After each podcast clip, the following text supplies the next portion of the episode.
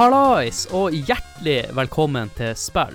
Mitt navn er Adrian Haugen, og med meg har jeg han. Håkon Puntervold, oh yeah. Åh, nytt år, nye muligheter. Good to be back, spill 2021, let's go, baby, baby, baby, baby. What a intro. Du høres jo veldig klar ut, i hvert fall. Det er ikke jeg etter ei uke på hjemmekontor. Men ellers, hvordan går det, Håkon? Jo, du, vet du hva? Vi har det kaldt og jævlig. Eh, Det begynner å nærme seg minus uh, tosifra på kuldegradene. Det er is overalt. Det begynner å komme litt snø. Kaldt og jævlig. Åssen er det i nord? Det er det akkurat stikk motsatte. Jeg hadde grønn jul, jeg kan ikke huske sist jeg hadde så her varmt. Det er ganske absurd, egentlig. For det, det blir alltid stikk motsatt.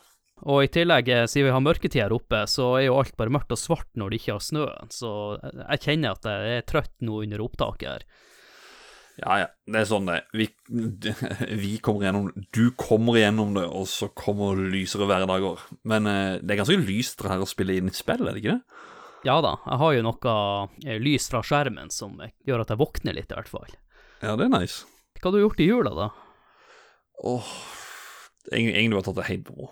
Slapp av. Um, Sittet med den herlige gjengen vår på Discord og spilte litt eh, Among us.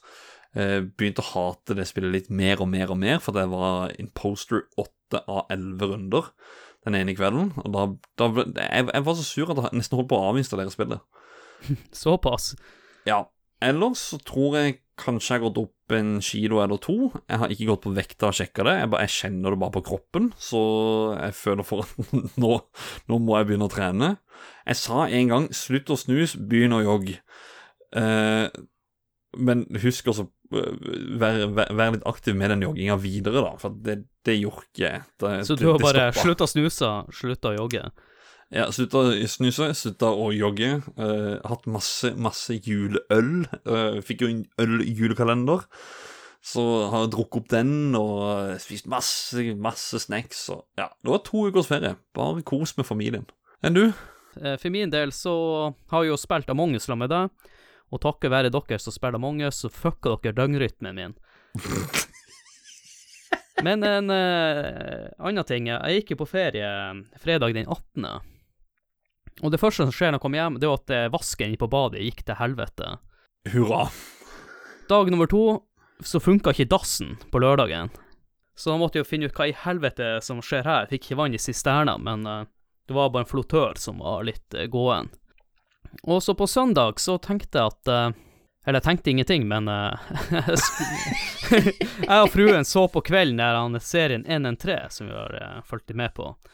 Se på norske helsevesenet og hvordan ambulansen, ambulansefolk Ja. jobber. Og så er jo typisk sånn eh, nordlending, når det er fra området du kjenner, så må du jo se det på TV. Det er jo fra Tromsø, og det er jo fra Nord-Troms, der jeg er veldig mye i feriene mine. Så etter det var ferdig, så tenkte jeg at eh, nå skal jeg slå på Alene hjemme. Det er jo snart jul, og Men før det så må jeg bare si at jeg, jeg klarer ikke å se Die Hard, Alene hjemme-filmene etter julaften. Julefilmer for meg må ses før julaften. Skal jeg komme med en liten shocker? Ja. De gjorde det nå her nettopp eh, her om dagen i en annen podkast eh, som jeg hørte på. Da, da sa han en det at eh, Jeg har ikke sett Die Hard. Jeg har ikke sett Die Hard. OK. ja. det er dessverre ingen julefilm for meg. Men altså, Nå vet jeg ikke hva jeg har gått glipp av, da, men, men eh, jeg har faktisk ikke sett Die Hard. Jeg har sett Die Hard 2 en gang. Die Hard 1 ble ikke julefilm for meg i faktisk eh, fredag den 18. desember i 2003. Nei, dagen, det er dagen før bursdagen min, det. Ja, du er jo blitt 30. Ja, jeg har fylt 30 innen den tida her. Jeg skulle jo egentlig si det i Game of the Year-episoden, at eh, når, når den episoden er kommet ut, så, eh, så er jeg fylt 30 år. Men eh, det glemte jeg. Men nå er jeg blitt 30, blitt tjukk, grå i hårene. Begynner å ligne litt på det. Nei da. Du har nesten bare kjent meg i 30-årene, så nå er vi i samme tiår, holdt på å si. Så det er jo morsomt. Velkommen i klubben. Jo, takk skal du ha. Takk skal du ha. Det varmer. Over til min eh, historie igjen. Så som sagt, vi skulle Vi hadde sett 113, og skulle begynne å se eh, Home Alone, da. 1. Og så fant jeg ut at faen, nå har jeg jo et fenalår i eh, kjøleskapet som jeg har ligget der i to uker. Eh, Og så begynte han å skjære av det, så var det så jævla hardt i kjøttet. Så jeg fant ut at dæven, jeg, hadde jo kjøpt en kniv dagen før. En sånn japansk kokkekniv. Så jeg tar den fram i stedet for å, må legge litt makt de fleste plassene på det kjøttet. Men oh. helt til slutt, jeg skulle bare skjære av en liten flik. Og det som skjer, da at handa mi glir frem samtidig som jeg skjærer mot meg, noe som er fy-fy med bruk av kniv. Og da klarer jeg å kjøre kniven i pekefingeren min, venstre pekefinger, oppe der. Og jeg har jo skåret meg noen ganger før, jeg må ærlig innrømme det, men med en gang jeg skjærte kniven i meg der da, så innså jeg med en gang at det her må syes. Og det, jeg fossblødde jo. Det ironiske er jo det at eh, For du sendte jo bilde av dette her dagen etter. Dagen før så satt jo jeg også og skår litt på, på fenalåret. Og da sa Trine til meg Du, du skal ikke ta så, så kutte den andre veien. Nei da, det går helt fint, etter dette her. Jeg kutta meg ikke, men det var visst noen andre som gjorde det. Ja. Det ble, det ble noe sting òg. Ja, eh, jeg måtte jo først legge press på såret, for jeg så jo plutselig inn i beinet. Og så måtte jeg bare ringe faren min, for eh, samboeren min hun har ikke sertifikatet. Så jeg kjørte jo til legevakta, og kom inn der og tenkte yes, nå blir det jo behandling med en gang. Men så endte jeg opp med å sitte i en time og holde press på det såret. Så kom en annen fyr som skulle var hos legevakta. Nei, han hadde skåret seg sjøl i handa, og det gjorde svinvondt når han skulle ha sprit på såret. Så han psyka meg helt ned. Og så til slutt så måtte jeg bare gi beskjed at uh, For jeg hadde stått og holdt på en time, så begynte det å blø igjennom den vaskekluten som lagt meg press på. Og Mm. spurte om jeg, om jeg kunne få noe nytt rundt fingeren, så sa hun, å dæven, du må bare sy. Og så når jeg skulle inn der, så sa jeg til henne dere må lukke alle dørene, for det blir sikkert hyle som ei lita jente. Det- Fordi jeg var nedsyka av fyren hadde sagt det, hvor vondt det gjorde. Men jeg kjente ingenting. Jeg lurer på om det var av adrenalin, eller eh, hva det var for noe. Det er noe som rusher gjennom kroppen. Jeg har jo sjøl måttet sy på kne en gang, og det, det, det Jeg kjenner egentlig Jeg er sånn derre Ei, faen, bare bli ferdig med det. Det var en som dytta meg, altså da sprakk jeg faktisk opp litt grann i kneet. Så imens hun drev og sydde igjen der, jeg satt jo og var full, jeg satt jo og filma dette her. For å liksom vise til han som hadde dytta meg, at uh, dette er resultatet av å dytte meg. Jeg, jeg sitter jo faktisk på filmen og ler. Sånn, for jeg er helt sånn der høy. Så Nei, det, det gikk stort sett greit. Det eneste jeg skulle ha en sprøyte, at det gjorde vondt noen plasser, jeg skulle sprøyte inn med sånn adrenalin. mm. Men så var jeg cocky, for at eh, når jeg var ferdigsydd, spurte jeg ja, kan jeg bruke den i morgen. Ja, kanskje det, sa de. Men på natta Å, fy faen, for en smerte. Ja, Så det er egentlig hovedgrunnen til at vi skal snakke om det spillet vi skal snakke om i dag. Fordi at det som skjedde da, var at jeg ikke kunne bruke langfingrene mine, eller pekefingre, eller pekefingeren til venstre, på venstrehånda mi. Sånn at eh, de fleste moderne spill bruker jo skulderknappene. Så da måtte jeg finne ut eh, et annet spill å spille, og tenkte hei, Super Mario Bros 3, det er lenge siden jeg har spilt, og har aldri klart det. Så det er egentlig hovedgrunnen til at eh, både jeg og Håkon har spilt det her i romjula, og skal snakke om det her i dag. det var faktisk, det var faktisk et spill jeg eh, For de av dere som hører på, men ikke fulgte med inn på Twitch, så gikk jeg faktisk gjennom det spillet på Var det gjennom to streaming sessions? Brukte vel en fire-fem timer totalt. Noe cirka. Det var en utrolig gøy opplevelse, for da gikk jeg gjennom også Du kan jo splitte litt opp på diverse eh, verdenene, da, sånn at du kan Mm. gjerne hoppe forbi to baner. Men jeg gikk gjennom absolutt alt. Alt skulle være fullført eh, innen jeg gikk til siste bane og bytta verden. da. Så det var utrolig gøy å spille gjennom.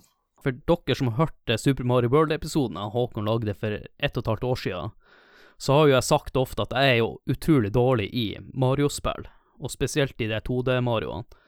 Så jeg har ikke klart å finne en eneste hemmelighet, og spilt gjennom alle brettene på sånn eh, bestemormåten. Jeg har speedrun en gang i tida. Da husker jeg bare at eh, Jeg har ikke tatt tida, men jeg vet det var fem, nei, 16 minutter igjen til en fotballkamp skulle begynne. Så sa jeg det, det er greit, jeg skal ta runde Super Mario 3 innen den kampen har starta. Jeg var i mål i god tid, så jeg tror det er sånn 14-15 minutter jeg har brukt på, på å løpe gjennom det. Men Håkon, med det, jeg lurer på om vi skal jo bare kjøre i gang med episoden, da? Du, vi gasser på. Vi gjør det. gasser på.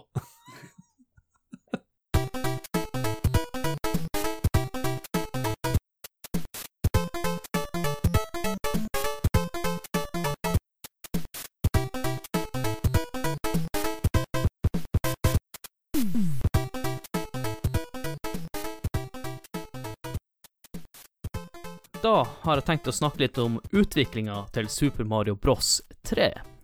Arbeidet med Super Mario Bros 3 ble påbegynt i året 1986. Dette var rett etter eh, utgivelsen av den japanske Super Mario Bros 2-versjonen, også kjent som Super Mario Bros The Lost Levels her i Vesten. Avdelinga Research and Development 4 fikk i oppgave å utvikle spillet, og teamet besto av totalt elleve personer. Det inkluderte Miyamoto og Tezuka. De fungerte som director og designer, mens Koji Kondo tok av seg hovedansvaret for musikken. Han Miyamoto han fungerte også som en mentor for resten av utviklingsteamet. Hans designfilosofi var at spillet skulle være gøy, de skulle ha det morsomt. Han stilte ofte to spørsmål til medarbeiderne sine når han skulle presentere noe for han. Og spørsmålene var Er det her gøy? Eller føles det her riktig? Er det her bra? En liten morsom ting som jeg er nødt å nevne, er at han Kensuke Tanabe, som var med i utviklingsteamet, han jobba i samme periode som director på et annet spillprosjekt ved navn Doki Doki Panic. For dere som ikke er klar over det her, så skulle det her spillet etter hvert utvikle seg til å bli Super Mario Bros 2, som vi kjenner her i Vesten. Men jeg tenker de her detaljene sparer til en annen episode. Han eh, Miyamoto han hadde et ønske om å gi Super Mario Bros 3 en real makeover.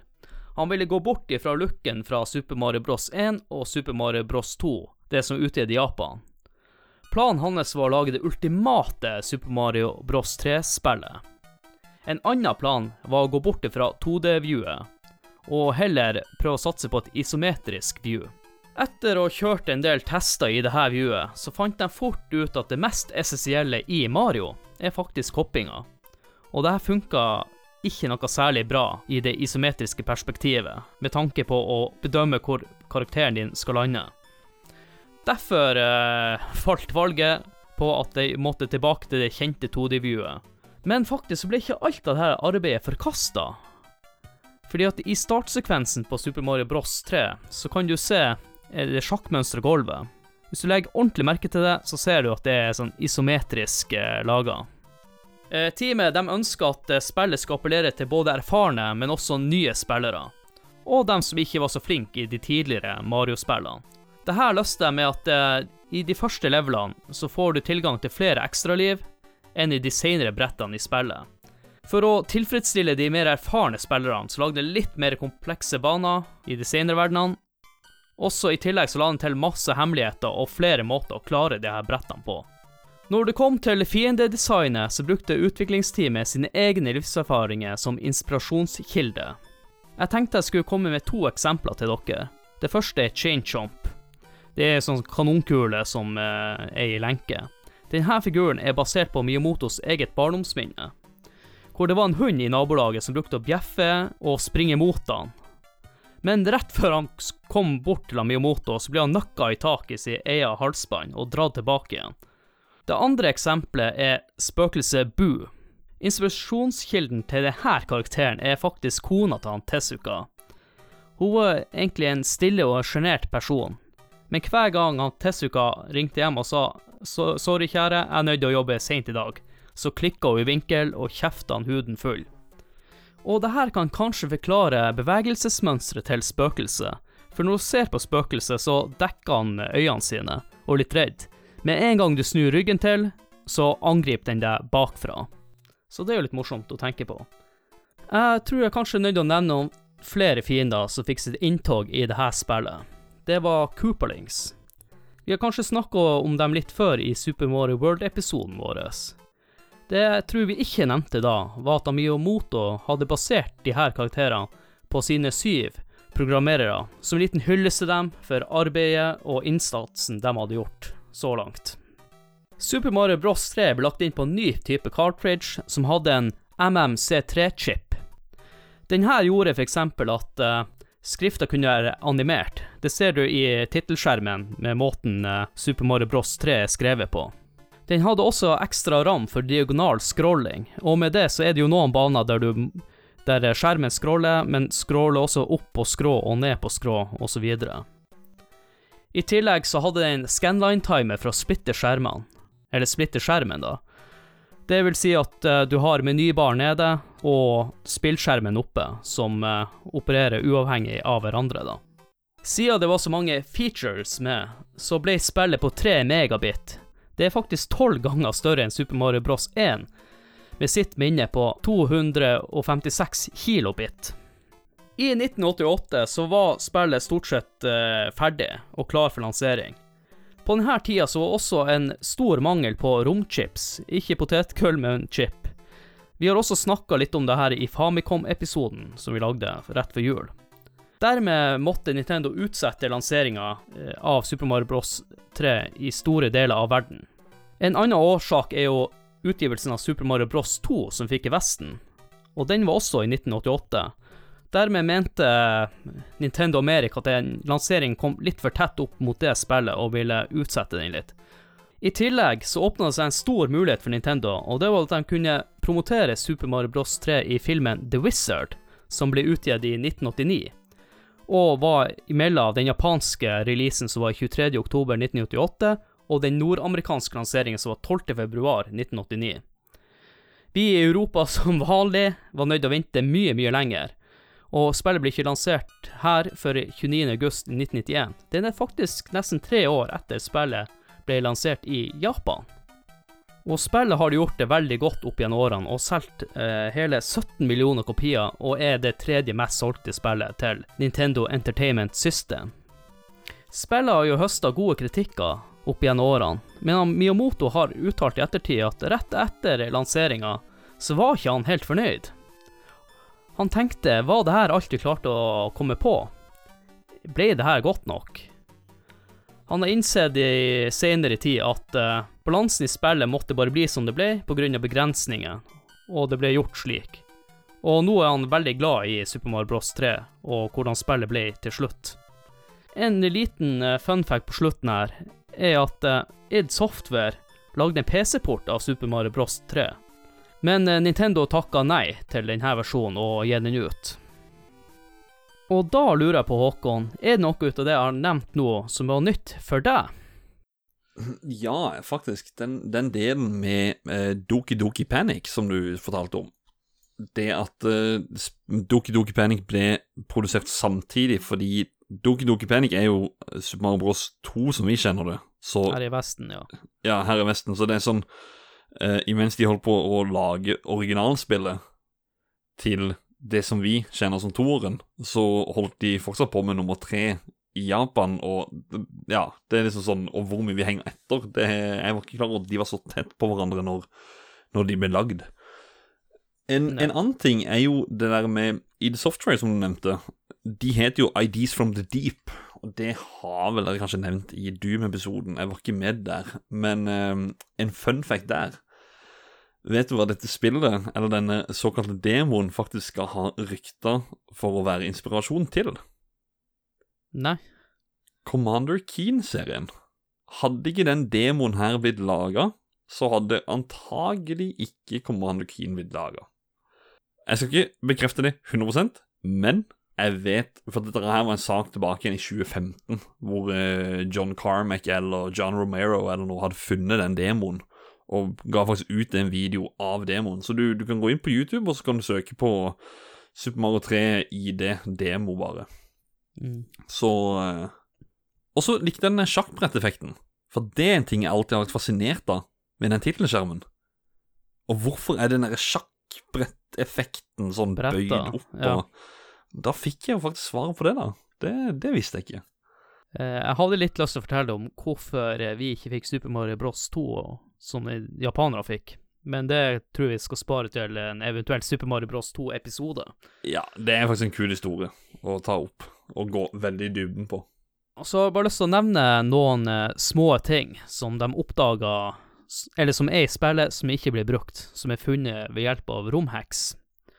Og da mhm. bare lyst til å nevne noe. Det finnes faktisk to versjoner av Mario med rosa skjorte i stedet for blå skjorte. Kanskje en ny power-up som aldri blir brukt. Hvem vet? Jeg vet også at det var snakk om at uh, de, de, vurderte faktisk at han uh, Marius få en sånn kentaur power-up som aldri blir brukt. det er nok sikkert bare noen sprites eller noe til, til diverse power-ups. En annen ting, det finnes mange alternative versjoner av fiender, som gull-cheap-chips. Det var vel fiskene, var det ikke det, Håkon? Ja, så det vil være en gullfisk. ja. Og så eh, var det noe raskflygende parabeatles.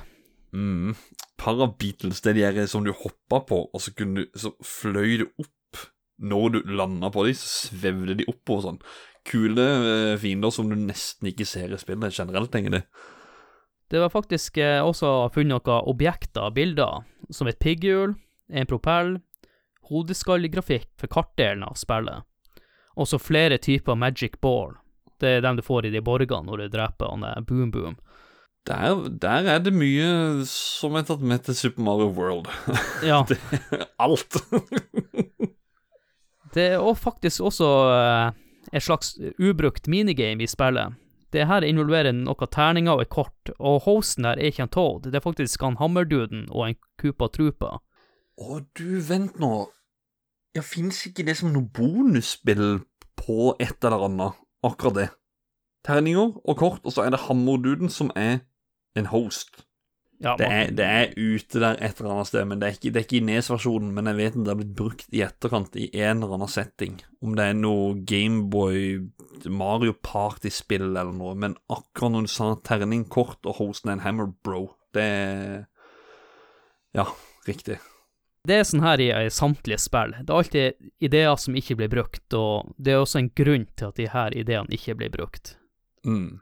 Så sikkert mange, eh, mange flere ideer også de hadde til det spillet her. Men da, Håkon, lurte jeg på om du har lyst til å ta oss igjennom låren til Super Mario Bros 3. Du, det kan jeg. Jeg vurderte egentlig på å ta og lese opp fra manualen her, men den er jo bare på svensk og på dansk, så det, det, det gidder jeg ikke. Men jeg kan heller bare ta det rett sånn som jeg vet det sjøl. Det at eh, verden, for, verden du eh, finner deg, er Mushroom World, som er fordelt opp i syv konge, kongeriker. Og de blir eh, plutselig invadert av Koopalings, som er barna, eller eh, minions til Koopa, eller Bowser.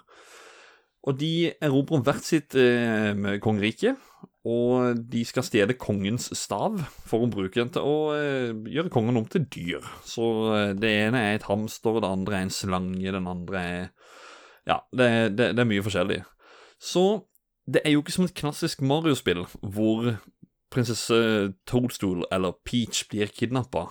Det hun gjør, er jo også å sende ut Mario og Luigi for å hjelpe disse her kongerikene. Så da skal du gjennom eh, syv forskjellige kongeriker og hjelpe disse kongene da med å få de tilbake igjen og banke Links. Så de er en slags form for leiesoldater. Eh, Ja, de er hyra inn av uh, Copa, ja. Eh, ja, aldri tenkt på det sånn på den måten, da. men Jeg likte det. Jeg likte det. Uh, og så kan jeg jo si det, det er en sånn Jeg vet ikke, klassisk eh, Miyamoto å komme med, da. At han det, Han har nå sagt i nyere tid, eller i løpet av de fem siste årene, vet du, at han eh, det kom frem da at eh, det spillet her bare er et teaterstykke. Det ser du i starten av spillet, at det går et sånn eh, teaterforkle som brettes opp. Og så er det noe med Han sier også se på grafikken i bakgrunnen, så ser du at det er et teaterstykke. Ja, du ser jo at uh, alt er kulisser. Du ser at uh, de plattformene står på og er skrudd fast, med skygger bak. Mm. Og, og du avslutter hvert brett med at du springer av scenen. Så Mm. det, var, det var jo mange giveaways der som man egentlig ikke har tenkt på i det hele tatt. Ja, så den der, den der eh, Sannheten kommer frem til slutt. Det er sånn, Jeg har aldri tenkt på det, og så sier han bare plutselig i stort og spillnyheter at Miyamoto forteller sannheten om Super Mario 3. Det er egentlig et teaterstykke. Woohoo! Ja, man burde egentlig ha skjønt det når du, når du ser hvordan de har designa spillet. ja, faktisk. Sånn, sånn i ettertid, men man tenker ikke over det når man sitter og spiller det. Eh, Det, det eneste jeg tenkte på, men det fikk jeg svaret på i stad, det var den sjakkforma plata. Men når du er inne på det, så kan vi snakke litt om eh, de nye mekanikkene som er la inn i spillet her, kontra Super Mario Bros 1 som vi kjenner. Vi må ikke tenke nå på Super Mario Bros 2 som vi fikk her i Vesten, for det er opprinnelig et annet spill. Mm. Jeg, jeg kan jo bare nevne noen mekanikker, og så kan vi snakke litt om dem. De eh, lot jo han Mario bevege sin overworld nå, kontra før at det gikk fra brett til brett til brett. Og det syns jeg egentlig var ganske kult. Du følte at du var litt egen herre over hvordan brett og du skulle ta, taktikker. Ja, det er liksom de Du har jo bonusbanene, så har du jo ordinært i rekkefølge hvor det står sånn type 1, 2, 3, 4, 5, 6, 7, og så slottet, og så noen soppehus, noe slott midt imellom. Egentlig veldig sånn oversiktlig og greit. Og så føler jeg at alle verdenene representerer der du er, på en så vanvittig god måte. Ja. Og så digger jeg faktisk å være i noen av de overworldsene. De er, de er bare fete, og beveger seg rundt i og bare se.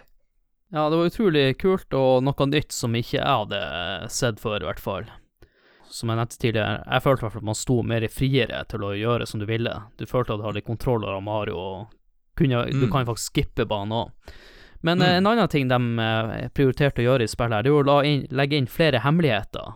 Som jeg nevnte litt tidligere, med at de ville belønne erfarne spillere.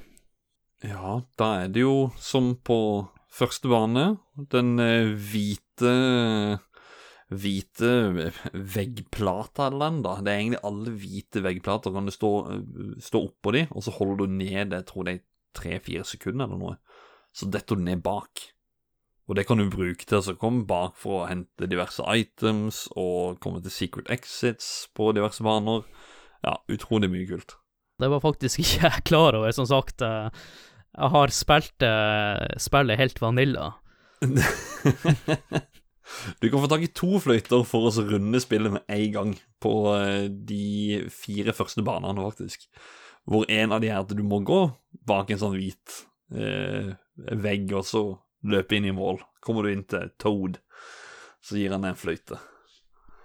Men det er jo andre ting også som jeg la inn som var veldig kult. Det er jo at uh, Hamaro kunne nå uh, sparke skall og ta dem opp, og kunne skli ned bakker.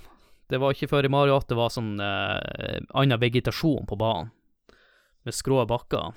Og en Ja. haug med nye power-ups som skilte seg veldig ut, som for eksempel uh, P-vingen og rakundrakten og det, men jeg tenker vi kan snakke om dem litt senere i episoden. Mm. Eh, selvfølgelig P-kraftmekanikken. Den er utrolig fet. Den uh, P-kraftmekanikken den la dem inn fordi at uh, de ville at det skulle gjøre det vanskelig å trigge flymekanismen. Fordi at når de skulle teste spillet, så så de at alle bare cheata og fløy gjennom alle banene, og hva er vitsen å designe et brett? Og der, og der, der må jeg hoppe tilbake til det jeg snakka om med den der demoen som id Software lagde, eller IDs from the Deep. Ja. I den demoen, de klarte å kode den biten med den P- med den P-kraften. Så de hadde jo faktisk bare hopp og fly, og så kunne Mario fly sånn som han ville. Det var nonstop. Det var ikke noe Ja, no limits. Så de, ha, de lot sin Mario-versjon være sånn som de hadde tenkt i utgangspunktet, Nintendo, da. ja. Jeg nevnte jo power-ups i stad, men det jeg syns er kanskje det kuleste med spillet, er at de også lot Mario få noen drakter.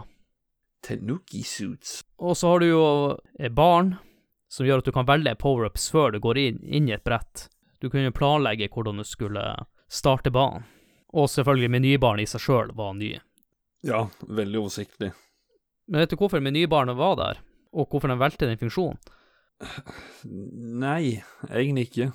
Nei, det var egentlig for å hjelpe folk som ikke er så gode i spillet, så at de kunne få en lettere start med å kunne begynne med et item, i stedet for å begynne som liten i mange Mario-spill. Jeg skulle egentlig til Jeg skulle ha gjetta, faktisk. Så, så skulle jeg ha tenkt nå at de egentlig har komprimert det litt fordi at spillet er såpass stort kontra de andre spillene at det At de, den, den bunndelen der brukte de heller til å fylle ut en sånn powerbar eller, eller statusbar, da. Ja. Men eh, ja, godt tenkt, Nintendo. Godt tenkt. Og så vil jeg nevne litt, du snakka litt om fløyta i stad, som lar deg skippe brett. Vet du hvor den er henta fra? Nei, Den er henta fra Selda. selvfølgelig. For den er jo faktisk med i det første Zelda-spillet. Og vet du hvorfor den mekanismen er med der? Fordi Zelda er også kidnappa. Nei. Nei. Det er for at det, jeg jeg mener det var noen cartridge som ikke hadde batteribackup, sånn at uh, du ikke fikk lagra spillet. Så på den måten så kunne du fly tilbake til der du stoppa sist. Det er hyggelig av de. Snille. Så du lærer noe nytt der, i hvert fall. Ja, herregud, jeg har lært mye nå, jeg. Og så hadde vi andre items som også kan bruke i Overworld, men ikke i selve mappet. Det er en sånn sky som lar det skippe en level. Hvis den levelen er i veien og du klarer ikke brettet, så kan du bruke skyen til å komme deg Mm. videre. Det måtte jeg faktisk gjøre i dag.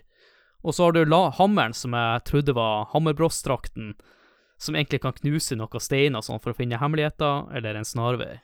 Yes, og eh, jeg må jo bare si den der på eh, i, i ørkenen, helt på slutten der. Når du Når jeg sprang Altså, når, jeg knuste den veggen der og kommer inn, og det er to soppehus, og det er to Hammer Bros, jeg bare Oh my god! Hva er alt dette her for noe? det er next level shit. Utrolig eh, Snilt av de. Snille Nintendo. Åh. Men det er jo en til mekanisme som la til. Det er eh, en toplayer-funksjon. Eller den fantes jo i det første Super Mario Bros. men her er litt annerledes. Ja, det knuste deg det. Hvordan fungerer det her i kontra det andre? Du spiller litt Du kan spille på lag og kan spille mot hverandre. Ja, det er jo Først og fremst er det jo den å samle mynter. Det er jo det som er selve mekanikken, da.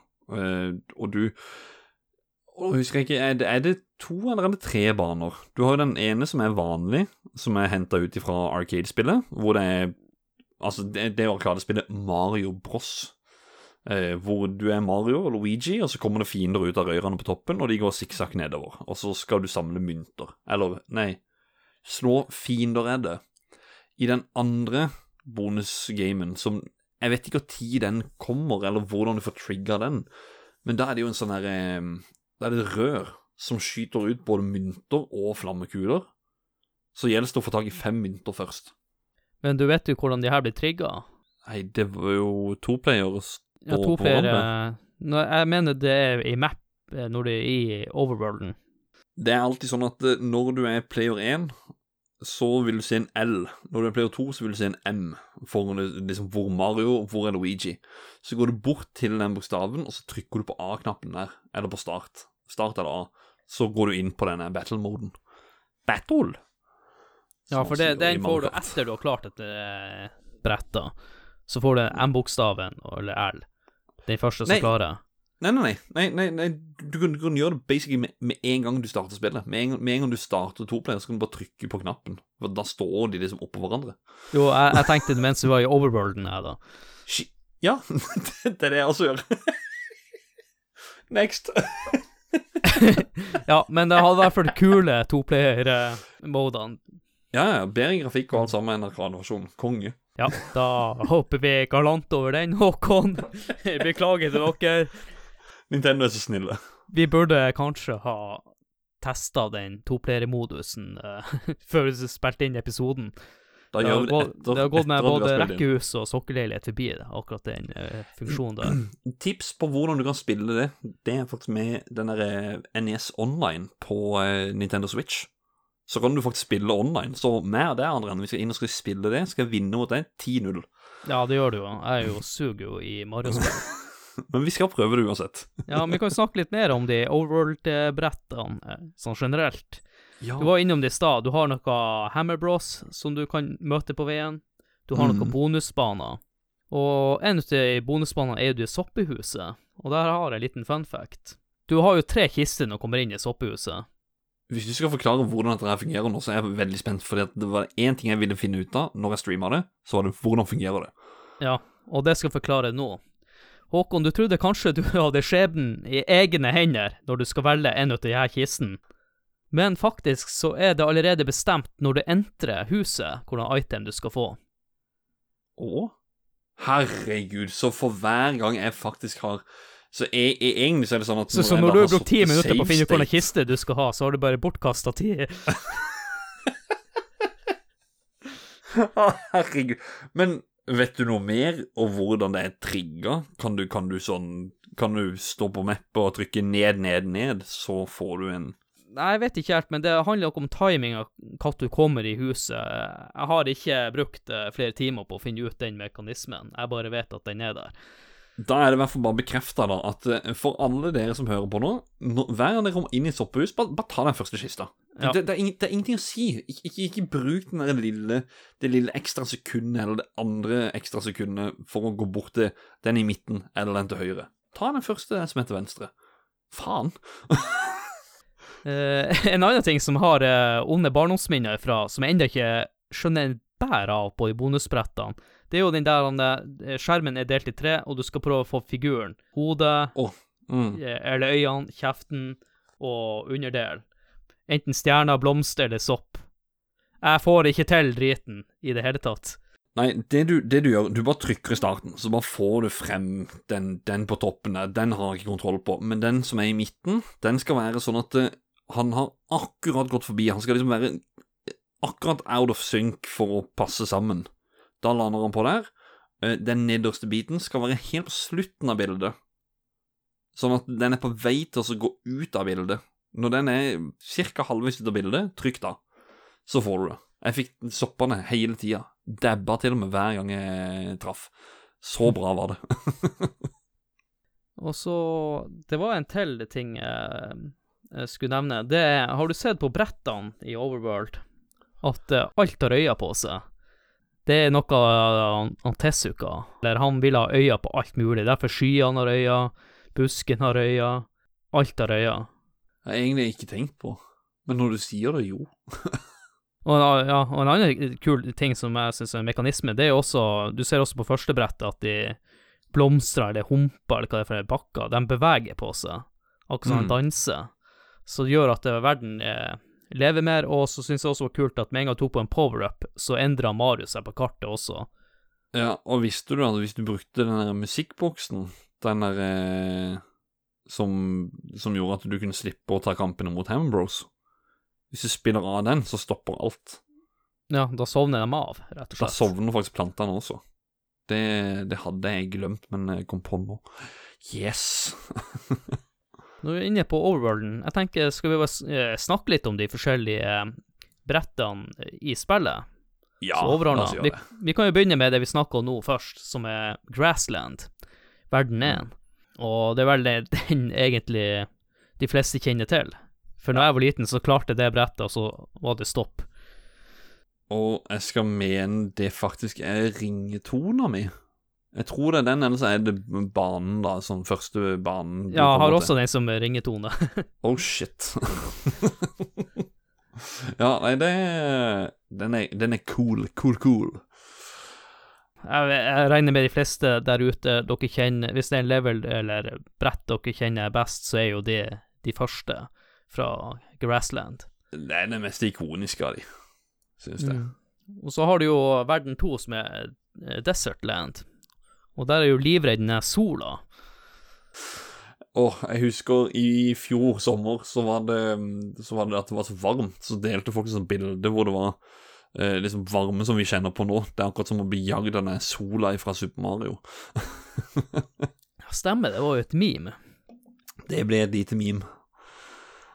Men eh, Ja, men, men her er en litt sånn derre Hvorfor er det alltid sånn eh, De har ikke gått bort ifra det heller, skjønner du. For sånn er det med nye Mario-spill også, at det er alltid over til Desertland. Jeg hater ørkenbanene. Ja, men er det Det er ikke Desertland i Super Mario World. Nei, men, men i, i um, Herregud. I uh, altså New Super Mario Bros, Super Mario 3D World, 3D Land Alle disse her, så er det alt desert. Ja, jeg er enig med deg. Jeg syns også de her brettene er kjedelige. Det er liksom vannverden. Det går litt under det samme, syns jeg. Og du snakker om eh, vannverden, skal vi snakke litt om eh, verden 3, som er Waterland, ikke Waterworld, som filmen. Mm. Drittverden. For at jeg døde på det Big Blobba, eller Big, Big Bertha, eller hva det heter for noe. Svære, Big Bertha. ja, svære fisken. Vil du ha en fun fact om Big Bertha? Oppkalt etter kona til Miyamoto. Nei, det er faktisk det jeg kaller en stor Red Bull for når jeg er trøtt. Da skal jeg ha meg Big Bertha. OK! Ja. Så en stor, eh, jeg kaller en stor Red Bull for en Big Bertha. Ah, nice. Og inne Ja. på fun fact, så har jeg en til fun fact. Uh. For den øya der slottet er på, ikke borgen med selve slottet, den er mm. forma som Japan. Nani? Ja. Jøss. yes.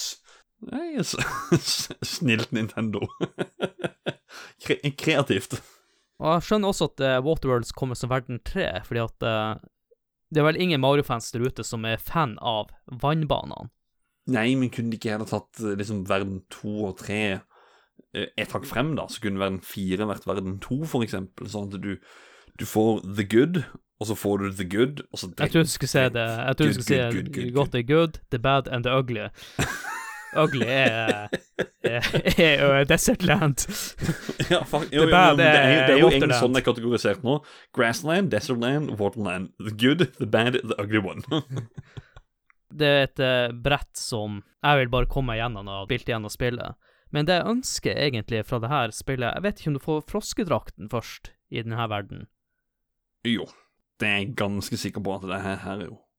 Og en svakhet som jeg syns i det eh, spillet her, at uh, eneste måten å få den uh, froskerakten på, er i det soppehuset. Mm. Og så vet du heller ikke hvordan brett er det jeg kan bruke denne drakten på. For på, i overworlden så er det jo bare tall. Ja, der sier firkant du som noe. er delt med blå og svart.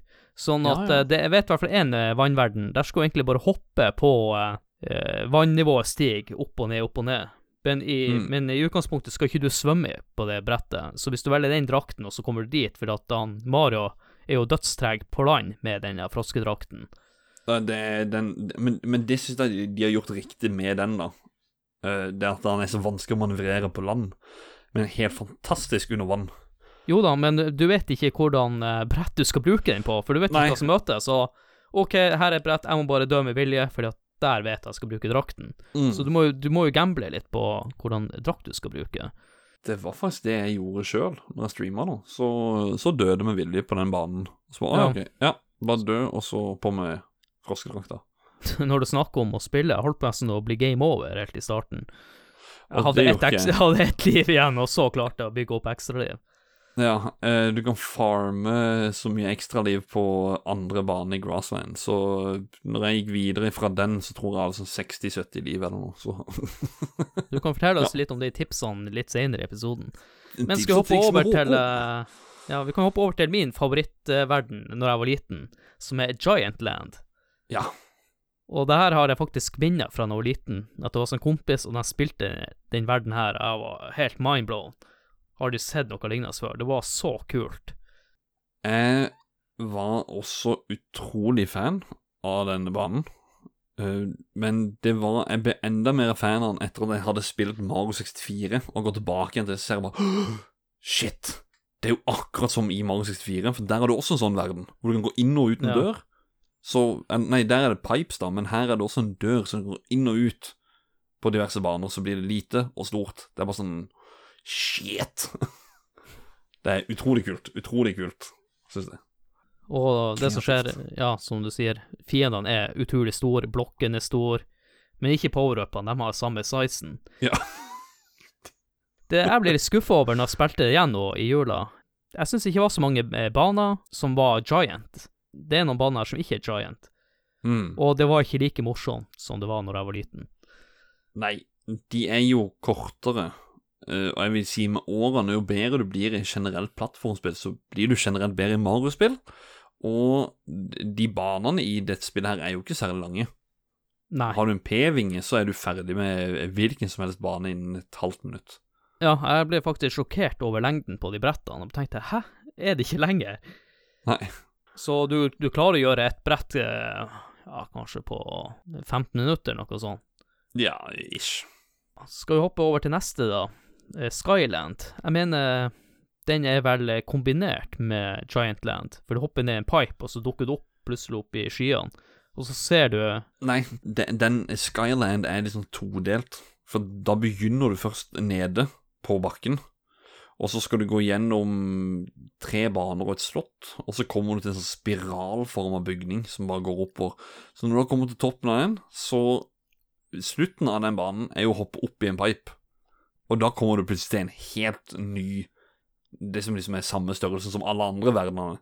Den er jo gigantisk. det som er stilig med der, er at du kan se opp i hjørnet, oppe til venstre, at det er sånn miniatyre, at du ser ut som du er oppe i skyene, for at det ser så lite ut, den plassen du har vært med i starten av det her, denne verden, da. Mm. Nå prøver jeg å tenke tilbake, hvordan var Skyland? Skyland er veldig mye sånn plattform og Jump, ja, jumping og Ja, autoscrolling, hvor, eh, hvor du gjerne skal stå på den og den plattformen, og skal du bare Så går den bortover, manøvreres gjennom, hoppe på fiender. Ja. Eh, ikke, ikke, ikke flate grunner, sånn som det er i typ Desertland, Grassland, Giantland. Ja, alle disse. Kan jo hende det er derfor jeg har glemt litt eh, den verden, for at jeg, det er de banene jeg hater mest når det kommer til Mario. Veldig greit å ha den eh, Å ha det bladet her, sånn at du kan eh, ja, fly litt samtidig.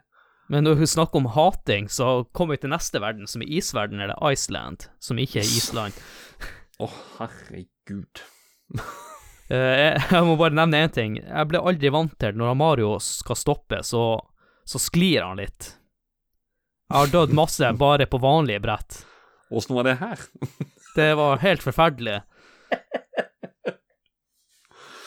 Ja, Jeg må altså- ærlig innrømme at jeg måtte jukse litt uh, på en eller annen brett her, for at du har en sånn en rewind-funksjon på switchen, og det måtte jeg Ja, bruke ok. to, to eller tre plasser.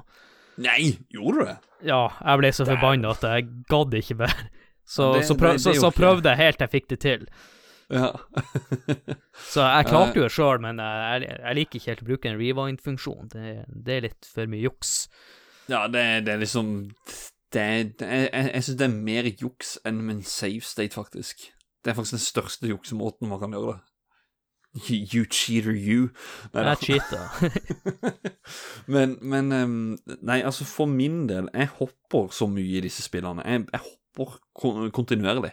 Det, det er egentlig det jeg gjør, mer enn å Ja, men du er jo, du er jo bedre enn gjennomsnittet kommer til Mario her. Ja, Du kalte meg Mario-autist her forleden, så Du er jo det. Ja, jeg er veldig, veldig glad i Mario-spillerne. Kule baner, men utrolig vanskelige, syns jeg. Ja, de er vanskelige, de er det. Og Iceland er vel kanskje den verden med ah, Vi har ikke skrevet ned noe her over hvor mange leveler det er, men jeg mener det er så mye som 14 stykk totalt. Det er en stor, stor verden, faktisk. Iceland. Det har jeg ikke fokusert noe særlig på hvor mange leveler det er per brett. Det burde jeg kanskje ha fått med. Ja, de ligger så altså, Rutene er jo som Altså, de viser rundt oss, er det tallene de gjør. Og da er det jo sånn én, og så går de gjerne opp til sånn syv, åtte, kanskje ni. Men Ja, her de... så går det denne, her er det vel den eneste verden som det er tosifra, og at det går opp til så mye som 13-14. Jeg blir skuffa hvis det bare var 12. ja. Men så har du neste brett, eh, der jeg er nå. Jeg har faktisk ikke klart spillet ennå, og det er Pipeland. Å, skyt meg. Og, og den eh, plagde seg med i dag. Ja. I tillegg en vanskelig verden å navigere i. Ja, det er det. Den, den er, det er pipes overalt, sånn du bare går inn i den, går inn i den Nei, OK, da kommer du der, og så inn i den. Nei, da var du der. Oi. øh, nå må jeg tilbake igjen på den, og så må jeg inn i den, og da er jeg der. Det er veldig frustrerende og forvirrende. Ja, og så husker jeg sist jeg spilte på, det var en sånn plattform med noe piler på. Mm. Eh, Den var jo grei, men så skjønte jeg ikke med den ene at du kunne hoppe på den, så skifta han retning noen ganger. Det er den med utropstegnet på. Ja, det skjønte jeg ikke i starten, så jeg så bare og fløy oppover. Tenkte hvordan faen skal jeg klare å komme opp her? Og da bare, bare med et uhell så hoppa jeg en gang til, og så å, dæven, det er jo sånn det fungerer. Så jeg er nå er- der og kuker i eh, Pipeland. Ja. Jeg tror jeg faktisk måtte hoppe over et brett, for jeg klarte ikke å finne fram Nei. i, i, det- i det brettet. Så da måtte jeg bruke skyen.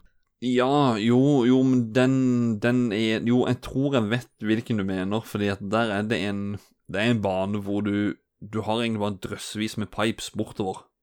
Så er det noe Når du kommer bort, så går det en sånn grop ned, så må du aktivere sånn derre De her sprettblokkene, liksom du hopper på de her musikknoteblokkene. Nei, ikke, ikke den. Den klarte jeg faktisk. Men det var en Ja. annen der jeg skulle bruke pøvingen, og så skulle jeg eh, flyge opp en plass. Og så var det to sånne eh, planter som hoppa og klappa. Å Jeg, måtte, jeg måtte fjerne dem. Jeg fant ikke hvordan faen skulle jeg klare å drepe dem. Å komme inn i den pipen. For hvis du går fra enden til brettet Nei, fra starten til brettet Ja, til enden av brettet, ja. så kommer du tilbake igjen og Mm. er på å klikke Ja, men de er, de er faktisk ganske challenging, de, eh, de der eh, plantelevelene. Det er jo de to, to som er der, og det Så den ja, eh, hopper de er over. Da kan vi jo snakke litt om Darkland, som jeg syns var kult da jeg var liten. kan, kan jeg få bare skyte inn en her nå, Ja. med det som er kult? Og det, det har ikke jeg oppdaga før, før jeg runda det nå. Fordi at jeg har aldri gått igjennom Verden 7. Fordi jeg har alltid dødd. Er pissvanskelig, syns jeg. Eh, det var han ikke nå. Nå klarte han. Og eh, da får du faktisk opp For, for hver, gang, hver gang du har klart en, en verden, da, så gjør du alltid den eh, eh, kongen i kongeriket om til menneske igjen, da, med den tryllestaven. Så dette her er jo verden syv, så nå har du tatt alle Coopalings. Det som skjer da, er at når du da har forvandla denne kongen her tilbake igjen, så kommer det et brev hvor det står ha-ha-ha, I've kidnapped the princess. Uh, I dare you to uh, come to my castle, bla, bla, bla. Så det er ikke før i slutten, eller før nest siste verden, at uh, Cooper faktisk kidnapper Peach, som gjør det liksom vanlig, da. Spoiler. så da får du et brev. Det var sånn eh, helt sånn spesiell ting. Jeg bare Hæ? Det har jeg aldri opplevd før. Og så kommer det sånn her mm, musikk, litt sånn Copa-aktig musikk, og lager litt stemning, da. Da kommer vi over til verden 9, etter å ha fått det brevet. Nei, verden 8. Darkland. Jeg husker det faktisk da jeg var liten, jeg var på besøk hos uh, vår uh, kompanjong i sidelinja, han Remi. Remi. Han var en av de første jeg var hjemme hos som jeg ikke kjente på forhånd da jeg begynte i førsteklassen. Jeg husker vi satt og spiste bongbong eh, sine pissmaur og spilte spillet. Da skulle han vise meg Ja, du er så ung at du husker vel ikke det. Det her var i Nei. 1992, og da var du to år. Så jeg husker vi satt og spilte det, for han skulle vise meg at det var sånne kule tankser i denne Mario-verdenen, i level 8, da. Så han som visste meg Darkland. Ja For du har vel eh, tanks, en tanksbrett og Og en båt. Det er, en, eh, det er begge, begge de to i starten her, de er autoscrollere. Og så er det Ja. den, den første er jo øh, Den første er jo med tankser, og så den andre er med båt, som bare går bortover. Det, det jeg liker her, er det at For jeg husker også gjerne første gang jeg spilte det, og jeg klarte de to. Så går du jo Du går videre. Denne, denne verden er jo veldig delt opp. mm. Han er jo i fire Jo, fire forskjellige partier. Så det, det, det er jo bare sånn Hvor lenge skal dette her vare, og hvor lenge skal det komme til noe nytt noe? Så jeg husker faktisk en av de Eller jeg husker liksom den måten jeg reagerte på ved å komme videre til et, altså et, etter de to banene. Og du Mm. bare kommer til noe nytt, og du bare Holy shit, hva er det som skjer for noe? Det er massivt. Men eh, en ting vi glemte å nevne i de tidlige brettene, at eh, det er alltid en borg der du skal få tak i den Magic Born som jeg nevnte tidligere. Der du møter han Boom Boom, han som uh, ser ut som han har drukket fem Big Bertha og klikker vilt. Du skal hoppe på han tre ganger. Ja, og så når du klarer den første borgen, tenker du Hm, er ikke, er ikke det her siste leveren i det her brettet? For det var jo sånn i de andre Mario-spillene. Men nei da. Mm. Til slutt så kommer du til det palasset der kongen er, og du ser at han er dyr, og så står han Toad der og hopper og spretter, og det her er helt for jævlig. Og så alle de siste eh, banene i brettet er at du hopper og tar i et anker, og blir dratt opp til et sånn luftskip. Mm. Og det enden av luftskipet som hopper ned i et rør, og det er der du møter Cooperlings. Mm. Og sånn er egentlig alle brettene. Du har en- ene borgen med han, han eh, Boom Boom, som er høy på energidrinker, og Cooperlings i, i slutten. Boom Boom is high on Big Bertha. Men i Darkland så vet jeg i hvert fall at det er noe med noen hender i tillegg, for at eh, speedrunnere sliter med de hendene. Og hva er det hendene gjør? Du, de hendene er det- Du har, du har etter de to første banene som jeg snakker så kommer du liksom inn på neste partiet. Der har du fem sånne firkanter som er eh, Jeg vet egentlig ikke hva de skal være for noe, men det er sånn firkanter som beveger seg inni. Så er det på den første, den tredje og den femte ruta, så de kan du gå forbi.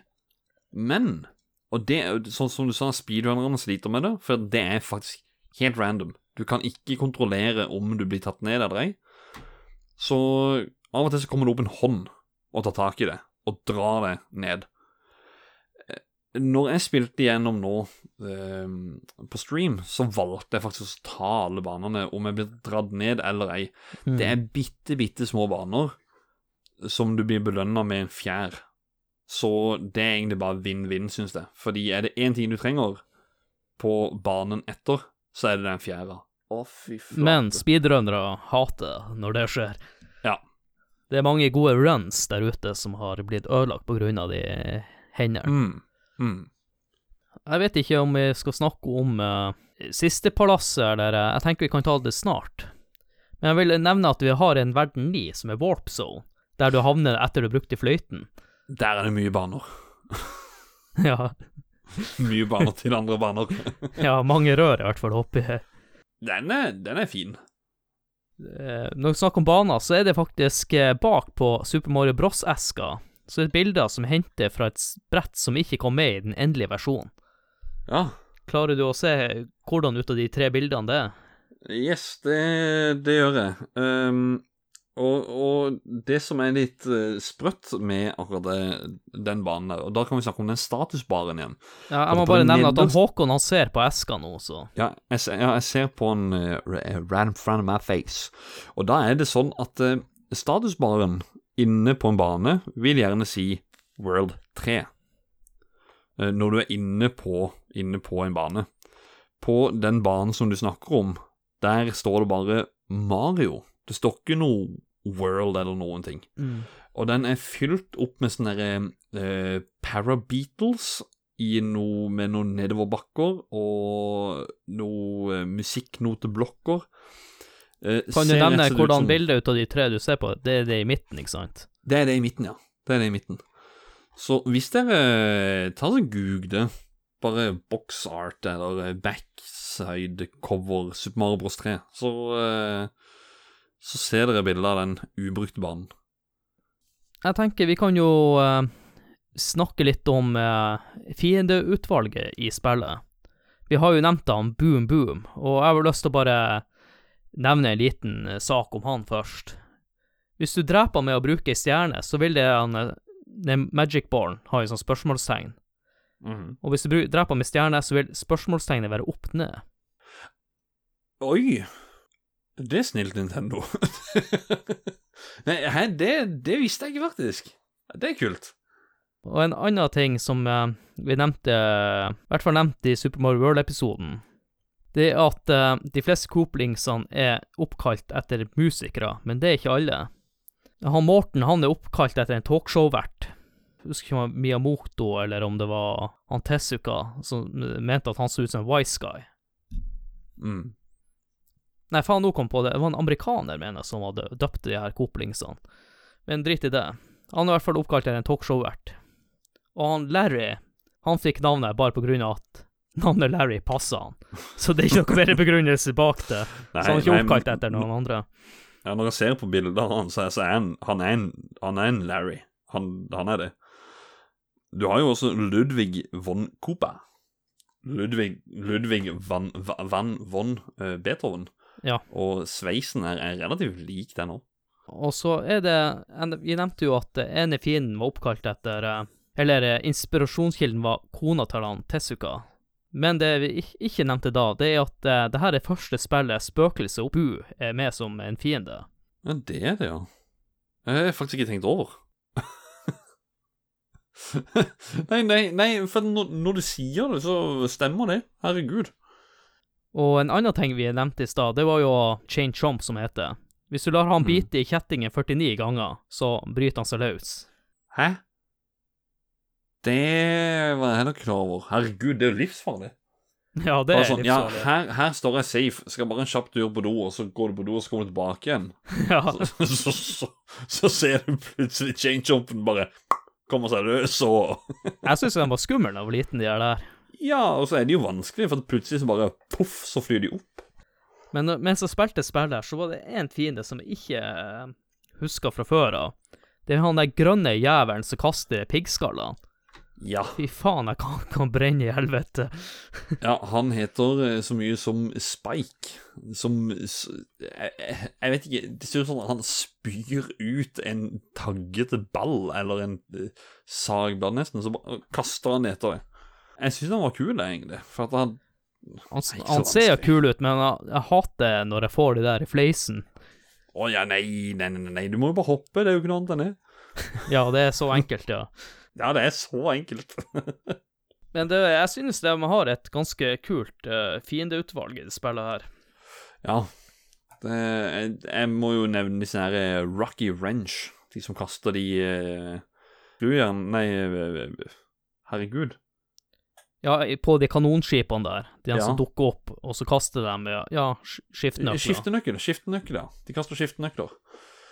De, og så har du den derre eh, De fins jo bare i vannverden, og jeg er jo ikke noe glad i vannverden, men jeg syns disse her er med å gjøre den litt kul. Det er Gelecto. Eller Gelectro, heter de vel. Det er de eh, som står og bare blinker, som, eh, som gir strøm. Som du må dodge unna. Og de her blekksprutene som var noe piss i Super Mario Bros. 1, den hadde fått noen nye abilities. Og det var at han Ja. spredde ut fire nye blekkspruter, sånn bitte små jævler som har drept meg noen ganger. Ja, det er faktisk Hvis du visste det, så har disse her veldig forskjellige navn. Det er jo Blooper, som er den vanlige, men den som har mange etter seg, det er Blooper Nanny. Og selvfølgelig de små på baksida, det er jo Blooper Baby. Så um, Ja, nei, det, det, det Der fikk du en fun fact, Adrian. Ikke bare jeg som kommer med fun facter, det er jo bra. Og så er det jo Det oppdaga ikke jeg før, før nå. Det var disse her Lava Lotus. Som er under De som sky skyter opp eh, flammekuler. Ja. De er jo med i Super Mario World òg, de. Ja, jeg trodde de Ja, Nei, men det, det, det var ikke jeg klar over før, før nå, liksom. jeg var ikke klar over at han var med i Super Mario World Nei, Super Mario Bros 3. Ja. jeg har jo spilt World mye mer enn Super Mario Bros 3. Ja, nei, så, så det var en, når, jeg, når jeg spilte nå, jeg bare What? Vent nå litt. ja. Det er jo samme type greier. Men det er jo veldig mange kule uh, fiender i det spillet. Ja, det er det.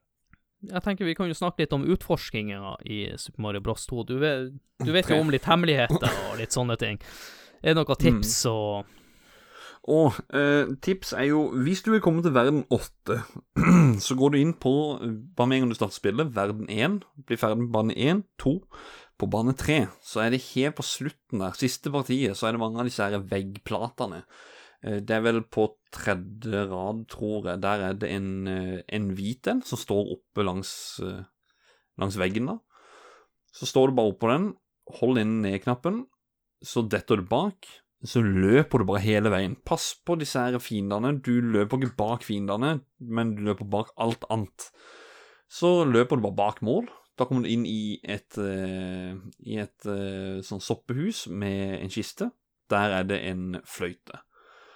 Da kan du gå ned Når du har tatt den, så kan du gå ned på det andre der den, det, det første slottet, de er små slottene, eller de, hvor du finner Ja. boom, boom og Ja. Eh, på første delen av det kartet så er det en, en dør som det kommer til på enden der. Ikke gå inn den døra. Ta løpefart til venstre. Når du da kommer helt til kanten, fly opp og på taket, inn på høyre side der. Der kommer du da til en secret entrance, hvor du også da finner en fløyte. Når du da har to fløyter, bruk fløyta, kom til verden 9. Da får du velge mellom bane 2, 3, 4. Hvis du da bruker fløyta inne der igjen, så skal du jo egentlig tro at du skal ned én rad, men det gjør du ikke. Da kommer du liksom ned til siste rada, hvor kun verden 8 er. Så det, da er du Da er du Ja, du er, du er der inne på 10-15 minutter. Det er veldig, veldig fort å gjøre. Når du nevnte Boom Boom, så kom jeg til å tenke på den sangen med Outer Brothers, Boom Boom Boom. Handler den om, om karakteren Boom Boom? Boom, boom, boom, boom, I want you in my room. Nei, ikke den jeg Eh, tenkte det er på. jo Boys. Boom Boom Boom, everybody say eo, eo. Ja, Det var den jeg tenkte på. det. Men du er såpass ung, du hørte ikke på dem. Ja, når du hopper på den, så eo! Men jeg har noen eh, sånne småtips som kanskje vet om, kanskje ikke. Mm. Eh, du vet, på slutten av banene så må du hoppe og ta enten blir det stjerne, blomster eller sopp. Og hvis du får tre på rad ut av det her, så får du jo fem ekstra liv. Hvis du bare klarer noen vilkårlige, så får du ett ekstra liv etter du klarer tre baner. Men hvis du kjører på med maks P-fart før du kommer til backstagen, den svarte sonen, og hopper, så skal du automatisk få stjerne hver gang. Skal jeg si deg en ting? Du må treffe på hjørnet. Hvis du treffer under, hvis du tar full fart, og du, og, og du treffer under sånn ganske på slutten her, så får du faktisk ikke stjerne. Du må treffe på hjørnet. Det er veldig viktig. Men ellers helt riktig. En annen ting, eh, det her er litt mer usikker på om du vet da. Hvis du klarer alle de luftskipene med enten vaskebjørndrakten, hammer eller frosk, så vil du få egne be beskjeder fra kongen, som varierer av avhengig av hvordan drakta er på det. Den ene beskjeden vet jeg om. Eh, det er når du da kommer som vaskebjørn, den derre Tenuki-drakta, Mm. så er det Oh, an animal. Uh, do you speak my language? Eller et eller annet, sier han. sånn der eh, Eller kan du, kan du snakke? Så jeg visste om akkurat den, men jeg, jeg vet ikke om de varierer, faktisk. Eh, fordi de beskjedene som du får bare så avslutte en verden, er veldig forskjellige fra verden til verden, men den, når du går inn på banen, den er samme hele tida. Men vi kan jo snakke litt om de forskjellige itemene, de draktene, da. Vi har jo snakka en del om eh, froskedrakten og dennes ability, men Tanuki-drakten, den er jo litt spesiell, for du kan jo bli om til en statue. Ja, kan, kan jeg bare si en ting om froskedrakten? Ja. Du vet når du svømmer, visste du at hvis du holder inne A-knappen, så er det liksom på en måte som å løpe? Da beveger han seg kjapt. Det er også amatørmessig, men jeg tenkte at jeg skal spare i draktene til det kommer en level jeg virkelig trenger det. Og jeg er jo på pipeverden nå, en haug med drakter ikke er brukt, så det irriterer meg litt. Jeg skal si det sånn, første gang dere prøver å holde inne A-knappen, pass på avstand til fiender. Det går så sykt fort. Det er helt vilt. Det var, Jeg fikk beskjed når jeg streama. Hold inne A når du svømmer med froskedrakta. Jeg bare OK. Og så holy shit! Det her gikk det fort. Han begynner å whoop, whoop, whoop, whoop, whoop, whoop.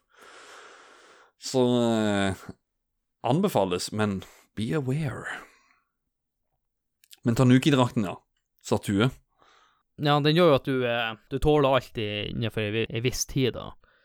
Mm. Og Tanuki, eh, som jeg har lest det meg fram til, så er det egentlig en sånn der han eh, japansk mytologifigur, et eller annet. Å ja.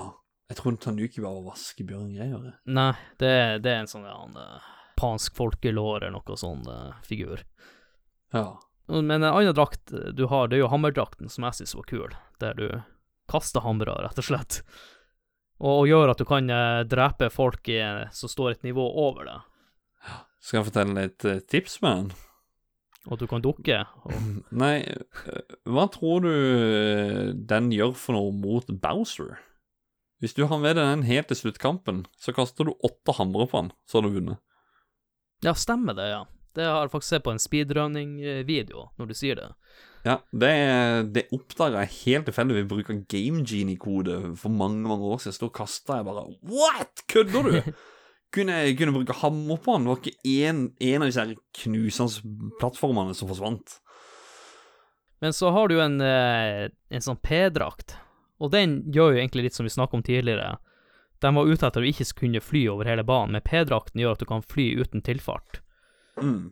Og den er jo vel veldig viktig for å finne de fleste snarveiene. Ja. Den er jo veldig overpowered også, den der uh, bladet, da. Det jeg synes er irriterende er at, den der, for når du løper, ikke sant, så får du opp den der Du får den der eh, pipelyden Ja. som, som, som går opp og ned sånn. Uh, den er der konstant når du har p-vingen. Og det, det er faktisk sykt irriterende.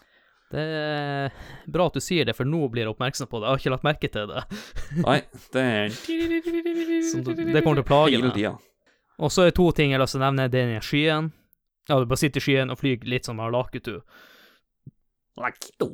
Ja, Lakito. Og så til slutt den grønne støvelen, og den tror jeg kun i ett map. Ja, jeg tror bare det er ett map, ja. Den er så fet. Og jeg må bare spørre, hva er ditt eh, favoritt-item i det her spillet? Det må nesten være Tanuki-drakta. den, den- biten med å være en statue, det dreit jeg liksom i. Eh, Den brukte jeg vel egentlig aldri. Men bare det å være den der vaskebjørnen, jeg synes bare drakta var kul, da. Jeg synes uh, den hammerdrakten var kul, for du kunne kaste hamre, og når du dukka, så ble du til sånn skall så du ikke tok skade. Mm. Ja, stemmer det. Det gjorde du òg, ja. Kunne, kunne du eksempel slide nedover en bakke og så treffe en på en pirajaplante, så slo du den? Nei, jeg har ikke, prøvd, nei, jeg har ikke testa det ut. Nei? Men en annen morsom ting eh, som skiller den europeiske versjonen med den japanske versjonen, det er at eh, i den japanske versjonen, når du hadde en power-up og ble skada, så ble du direkte liten, mens den versjonen vi spiller, hvis du har en power-up, så mister bare power-upen, du er fortsatt en stor Mario. Så du har et ekstra liv i forhold til den japanske versjonen. Du tåler et hit mer. Ja, du, du har hørt det før, jeg sier det igjen i denne episoden. Så, så snilt, Nintendo. Ja, Så snille dere er. ja vi er fra Vesten, vi er ikke like flinke som de andre. Neida, Og jeg har lyst til å nevne litt om eh, musikken i spillet. er jo fantastisk bra av han eh, Koji Kondo. Og han slet faktisk med å lage musikk til dette spillet. For i eneren så lagde han bare musikken etter uh, hvor han forestilte seg brettet var. Eller han så brettet, og så bare lagde musikk etter det.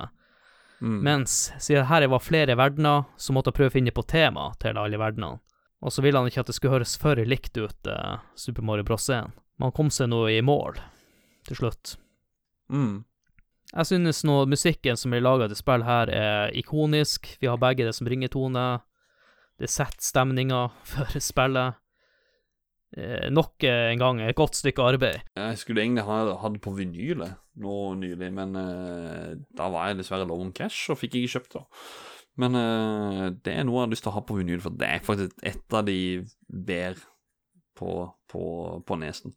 Skal vi sette på ei, ei lita låt? Kanskje Hammer Bros-fighten? Let's do it.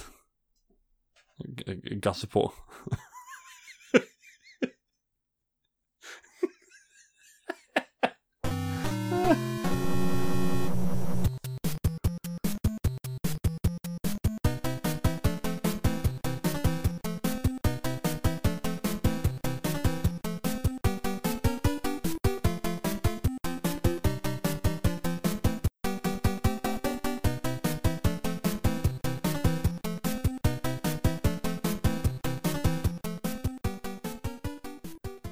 Ok, vi er tilbake igjen, og jeg tenkte jeg bare tar ordet med en gang. Fordi at det jeg har lyst til å snakke om, det er faktisk eh, Super Mario Advance 4 og et lite tilbehør som heter en e-reader. Vi kan først begynne med Super Mario Advance 4. Det er utvikla av Nintendo R&D2. Det er jo Research and Development, som eh, en gang var ledet av han Masayuki Uemaru. Vi snakker om han i Famicom-episoden. Det er jo han som har stått bak design for både Famicom, Nes, Snes, ja, den slags, da. Eh, Så de er jo ikke kjent for veldig mange spill. Det er, men de er, det de er kjent for når det kommer til spill, så er det gjerne å ha en sånn deluxe-utgave. Sånn som vi har typer på Switch, da. Liksom de, de ultimate utgaver. eh. Ja, her så ga han jo ut flere sånn Super Mario Bros. 1, 2 3, Nei, Super Mario Bros. 2, 3, World 1 og 2. Ja, mye sånt. Grafikken i spillet Den er også relativt lik Super Mario Bros. 3 fra Allstars-versjonen øh, med litt nye lydeffekter, hvor bl.a. Charles Martinet fra Mario 64 har stemmen. Og så er det noe endring av HUD-en. Sånn, øh, den statusbaren er litt mer sånn fordelt opp bare i små bokstaver rett på skjermen, fordi det er jo meget begrensa eh, bilde. Det har også en save-funksjon, så der er med fløyta, sånn som du snakker om, som de la inn. Det ja, det gjør egentlig ingenting. Her kan du save akkurat fritt sånn som det er, og gå frem og tilbake. Nå vil jeg ta bane 1 igjen på nytt. Og en utrolig kul ting, den oppdaga jeg faktisk tidligst i dag, for at jeg har spilt litt på det sjøl. Utrolig kul versjon. Det er at du kan, når du har runda, eller når du har klart en bane, og du er fornøyd med måten du spilte det på, så kan du trykke på eh, L eller R-knappen, og så kan du trykke save. Og da kan du du ja. save replay av at du spiller den banen. Det er jækla kult. Eh, den e-readeren som jeg snakka om, det er en sånn kortleser-add-on som du la til i Gameboy Advance. Du kobler den til, og så skanner du kort sånn som type eh, Som et helt vanlig bankkort, egentlig. Eh, Den kom aldri ut i Europa, så det er jo ikke noe vi er kjent med, men han er, han er kommet dit grunn av YouTube-filmer og diverse. Så da kjøpte du pakker i samme greier som fotballkort, Pokémon-kort og den slags. Så kjøpte du Super Mario Bros 3. Da, Jeg vet ikke nøyaktig hvordan det var kategorisert, men du kunne få med level-pakker. Så det er hele 33 ekstrabaner som er faktisk er lagd av Nintendo, som du da kan swipe eh, når du da har e-readeren inn i konsollen, så swiper du kortet, så unlocker du de banene. Det er, ut, jeg, jeg, ja, det er utrolig kreativt av de, og så er det en veldig gøy ting å, å vite at dette her er offisielle Nintendo-baner. Det er Nintendo som står bak de. Det er ikke noe roomhack eller noe sånn. Mm. Jeg har en måte man kan spille det på. Enten så kan du koble til U-en din og laste den ned der. Da har du Jeg mener mene alle banene er ferdig installert og alt der. Mm. Eller så kan du kjøpe, sånn som jeg gjorde for en uke siden. Da kjøpte jeg en eh, sånn reprokart av Game by Advance-spillet.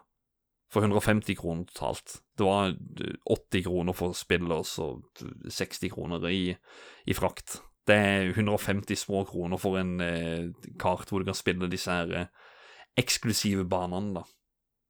Så det er eh, absolutt verdt å sjekke ut. Hvis du, hvis du liker originale Super Mario Bros. 3, så eh, anbefaler jeg å sjekke ut dette her. Uansett om du liker Allstars-grafikken eller ikke, så er det en utrolig stilig eh, take på det, da. Så det er veldig oppgradert og kult. Og e-reader-banene er vanskelig, og det, det liker jeg. Det var vel egentlig det jeg ville si om akkurat de. Jeg har bare lyst til å nevne at eh, det blir jo lagd en TV-serie basert på det her spillet. Ja, det òg, ja. Skal jeg fortelle deg litt om det? Ja, gjerne. Ja.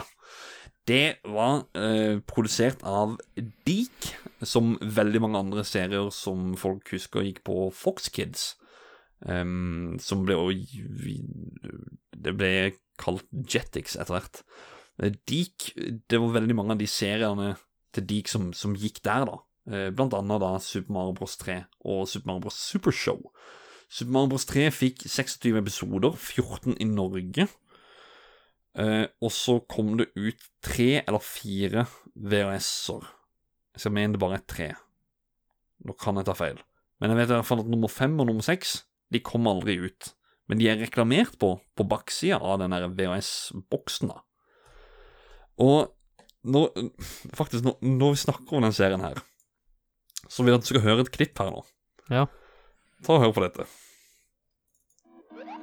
Det var godt jeg plantet meg selv her. Jeg må skynde meg å advare Mario og Luigi. Oi, oi. Hva faen? Ja, de er nesten like stygge som Mario-brødrene. Det er Mario-brødrene. Og hvis du ikke slipper det en gang, så blir det verst for deg. Hva i faen? Og hvem har den stemmen der? Jo, det er selveste Nils Vogt, som også er kjent som Karl imot i brøstet. Hva i faen? Det hørte ikke jeg. Hvordan er det mulig? Ja, han der, han må Ja. Hvis ikke, hvis ikke de har pitcha den stemmen, så er jeg så seriøst nødt til å få tak i den mannen der og, og kjøre den stemmen der. Fordi det er faktisk noe av det verste, men noe av det beste. Han, han, had, han, hadde, han hadde en annen episode som jeg også husker. Da sier de Hva, er det deg, Sopp? Ba, Hvem trodde du det var? Postmann Pat? det er så cheesy. Åh. Åh, ja, men um, serien skal jeg faktisk si Jeg syns den var kul, uh, men han har sine issues sånn i animasjonsbiten. Men Den, øh, ikke, skal ikke den er vel, ser vel ikke like bra ut som eh, Super Mario Brothers Supershow. Jeg syns det ser bedre ut oh, ja. enn Supershow. Ja, jeg, jeg likte andre Supershow, faktisk. Uh, jeg, jeg tror jeg Kan jeg nevne en liten ting med Supershow? Når jeg var liten, så hadde jo RTL. Så jeg, Ja. jeg så kun Super Mario Supershow på tysk. Ja, ikke sant, ja. Så jeg har, vet aldri hva det egentlig episoden handler om. For meg så handler det bare om å se figurene bevege deg på seg. Det var nok for meg. Jo, men det husker jeg så det. Jeg så det på dansk, jeg også, så det Ja, men du prater jo dansk, så det skjønte du vel. Nei, jeg gjorde ikke det i den tida der, faktisk. Men eh, Håkon, nå er det jo sånn at vi skal jo heldigvis slippe å rate VHS-en og Ja. tegnefilmen, men jeg tenker vi kan jo rate spillet. ja.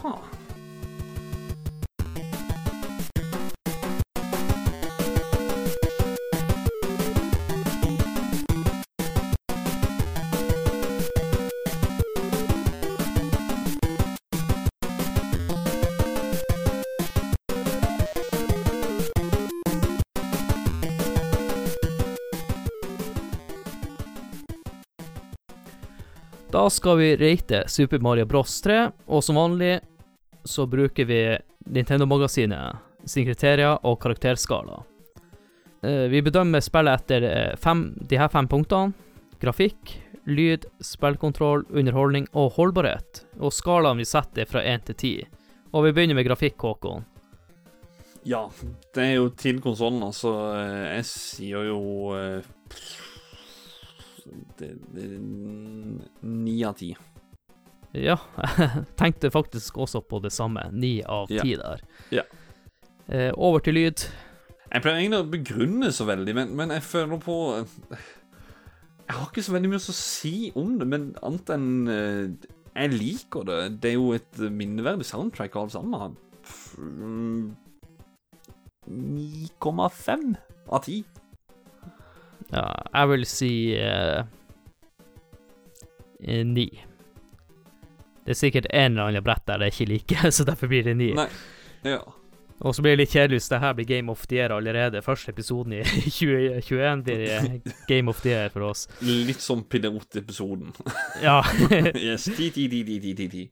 Over til spillkontroll. Her er, intri, eller, her er jeg nysgjerrig på hva du Ja, altså, jeg, det er jo som jeg sier, jeg glatte, samme, ehm, men froskedrakta, det går litt for fort, det er vanskelig å manøvrere nede under vann, men samt, han, han er så bunnsolid på toppen av alt, så, og, det, og det er sånn plattformspill skal være. Jeg har ingen problem med at han sklir, 10 av 10. Jeg har problemer med at han sklir. Ni av ti. De er utrolig flinke på kontrollere, men akkurat når han eh, har drept meg så mange ganger Jeg har ennå ikke klart å bli vant til den skliinga, så det blir ni av ti fra meg. Underholdning. Uh, ja, det er jo litt Når jeg spilte gjennom det nå, så var det jo faktisk et par verdener som egentlig tapte seg litt. Jeg følte på at det er sånn det, når, jeg, når jeg er så fan av Super Mario World som jeg er, så er det og Her går jeg tilbake et skritt, og det er Miyamoto har jo sagt det sjøl, at det er jo ting han har med i Super Mario World som han egentlig hadde lyst til å ha med i Super Mario Bros. 3. Og eh, Åtte av ti. Ja, jeg kan være enig med deg, med deg i det. Jeg syns det er noen brett som er ganske like hverandre. Ja. Altså, er det, de, de, de er korte nå. De Ja, veldig korte. Og så mye det, kortere, så du får lite bang for the bucks. Ja, men for all del, det er jo dritbra spill. Det er jo ingenting å si på det, men, men det er sånn derre Ja. Jeg jeg er ti. Eh, Ja, men vi må jo si at åtte av ti er ikke en dårlig karakter, da. Nei, nei, nei. Men jeg tror nok flere mener at eh, det fortjener mye mer. Ja, det Det strides jo om hva som er best, Super Mario Bros 3 eller Super Mario World, og vi er jo litt farga at vi begge har sett eh, Super Mario World høyere enn det her spillet. Ja. Men det er ikke et dårlig spill på Det som er måte. interessant å se nå, det er faktisk om scorer dette her høyere enn det vi gjorde på Super Mario World før i tida. Ja, det, det blir spennende. Interessant. Men holdbarhet Holdbarhet. Da går det litt inn på samme greia med underholdninga. At jeg syns jo spillet var helt amazing før, men det er liksom mer og mer med tida så eh, Det er ikke Ja, det er det, det som jeg sier, jeg foretrekker World fremfor dette her, men det Det holder seg bra. 8,5 av 10. Ja, der har jeg lyst til å gi det litt høyere. Jeg lurer på om jeg faktisk skal gi det 8,5. Jeg vil faktisk gi det 9,5 av 10. Det koster meg mer med det spillet her enn det jeg hadde forventa på forhånd, med tanke på at jeg er ikke den største Mario-fanen generelt sett. Nei. Nei, altså, jeg, jeg er sånn Det er et dritbra spill, som sagt, men, men det er den derre Og jeg kan fint plukke det opp, men jeg Det blir kjedelig etter hvert, syns jeg. Sava, nå tramper jeg på noen føtter. Jeg er så sikker på at det, nå, nå, nå er det folk som hater det jeg sier. men, men, sånn er det. Og hvis dere er uenige, så gjerne skriv i kommentarfeltet til episoden, så vi kan se at dere er uenige. Og ikke bare mm. sitte og lytte på og være uenige, men gi oss beskjed Ja, hvor, hvor feil det- vi tar. ja, det kan du gjøre under kommentarfeltet inne på vår Facebook-side, eller inne på discorden vår, hvor vi har en egen kanal som heter Episodekommentarer. Ja. Så hvis du liker det du hører, så gjerne abonner til podkasten på din, eh, din eh, foretrukne podkast-app, om det er iTunes, Spotify, you name it. Setter veldig pris på det. Gjerne gå inn på Facebooken og gi oss en like der. Der vil du da bli oppdatert på eh, f.eks. lytterspalter til nye episoder og andre poster. Og veldig gjerne bli med i vår Discord-community. Det er helst der vi henger sammen, og der er vi nå Vi er rett i underkant av 100 stykk. Veldig god og trivelig gjeng som spiller spill som Among us og Pummel Party og mange andre spill. Et, eh, et herlig community. Link til dette her finner du i episodebeskrivelsen. Og hvis du har lyst til å støtte spill, så kan du gå inn på vår Spreadshirt-butikk og kjøpe deg en aldri så liten spill-T-skjorte. Eh, de koster for noen enn 200 250 kroner, og så får vi en slant ut av det. Jeg husker ikke konkret. Det er 30-40 kroner eller noe for, for hver T-skjorte som blir solgt. Ja. Og det blir med å, å drive driften av podkasten, da. Men jeg tenker før vi sier, eh, eller etter vi har sagt ha det, så skal du lese litt opp ifra manualen til Super Mario Bros 3 på dansk. Ja, jeg skal det. Siden du sier det at jeg er en danske, så skal jeg, så skal jeg ta og gjøre det. Så skal jeg sette på noe koselig musikk i bakgrunnen. Men før det så vil jeg bare si tusen takk for at du eh, har hørt på episoden. Jeg vil si tusen takk til deg, Håkon. Eh, selv takk, Adrian. Det koser meg tilbake igjen. Så var det koselig at det bare var oss to. No, no offense imot, imot eventuelt gjester, men det koser å være bare med deg òg, da. Må ha en sånn episode en gang iblant. Og faktisk så Forrige episode vi tok opp i lag utenom eh, Spellbreak, det var Super Mario World-episoden. Ja, se der, vet du. Det er ett og et halvt år siden vi lagde en vanlig spillepisode i lag, bare jeg og du. Ja. Men vi kan også si at de to neste episodene, så er verken du med meg eller meg med det. Ja. Vi er én episode hver. Med det så vil jeg bare si takk til deg, Håkon. Takk for dere hørte på, og takk til meg. Snakkes! Vi snakkes! Gasse på. ja, nå skal vi ta og lese litt i den manualen her, hvor det står på dansk. Skal vi se. Der, vet du. Her står det. Historien. Svamperegget har vært et fredelig sted takket være Mario og Luigis modige bedrifter. Svamperegget danner en inngang til svamperverden, hvor intet er godt. Bowser har sendt sine syv børn inn i den normalt så fredelige svampeverden for å leve alle de spillopper de har lyst til. De har stjålet den kongelige magistav fra alle land i svampeverden og bruker den til å forvandle dens konger til dyr. Mario og Luigi må gjenvinne de kongelige magistaver fra Bowsers syv børn for å bringe kongene tilbake til deres opprinnelige skikkelser. Farvel og lykke til, sa prinsessen og Toad da Mario og Luigi tok sted på deres reise dypt inn i svampeverden. Ha-ha-ha, dette er mine syv barn som vil hjelpe meg med å overta svampeverden. Dette er Bowsers barn. Morten Cooper jr., Wendy O. Cooper, Iggy Cooper, Ludvig von Cooper, Lemmy Cooper, Roy Cooper og sist, men ikke minst, Larry Cooper. Det var det jeg hadde å lese ifra den eh, flotte danske manualen til Super Mario Bros. 3. Igjen, jeg håper du likte episoden, og jeg tar en siste. Takk for meg, og farvel. Vi høres igjen. Ha det.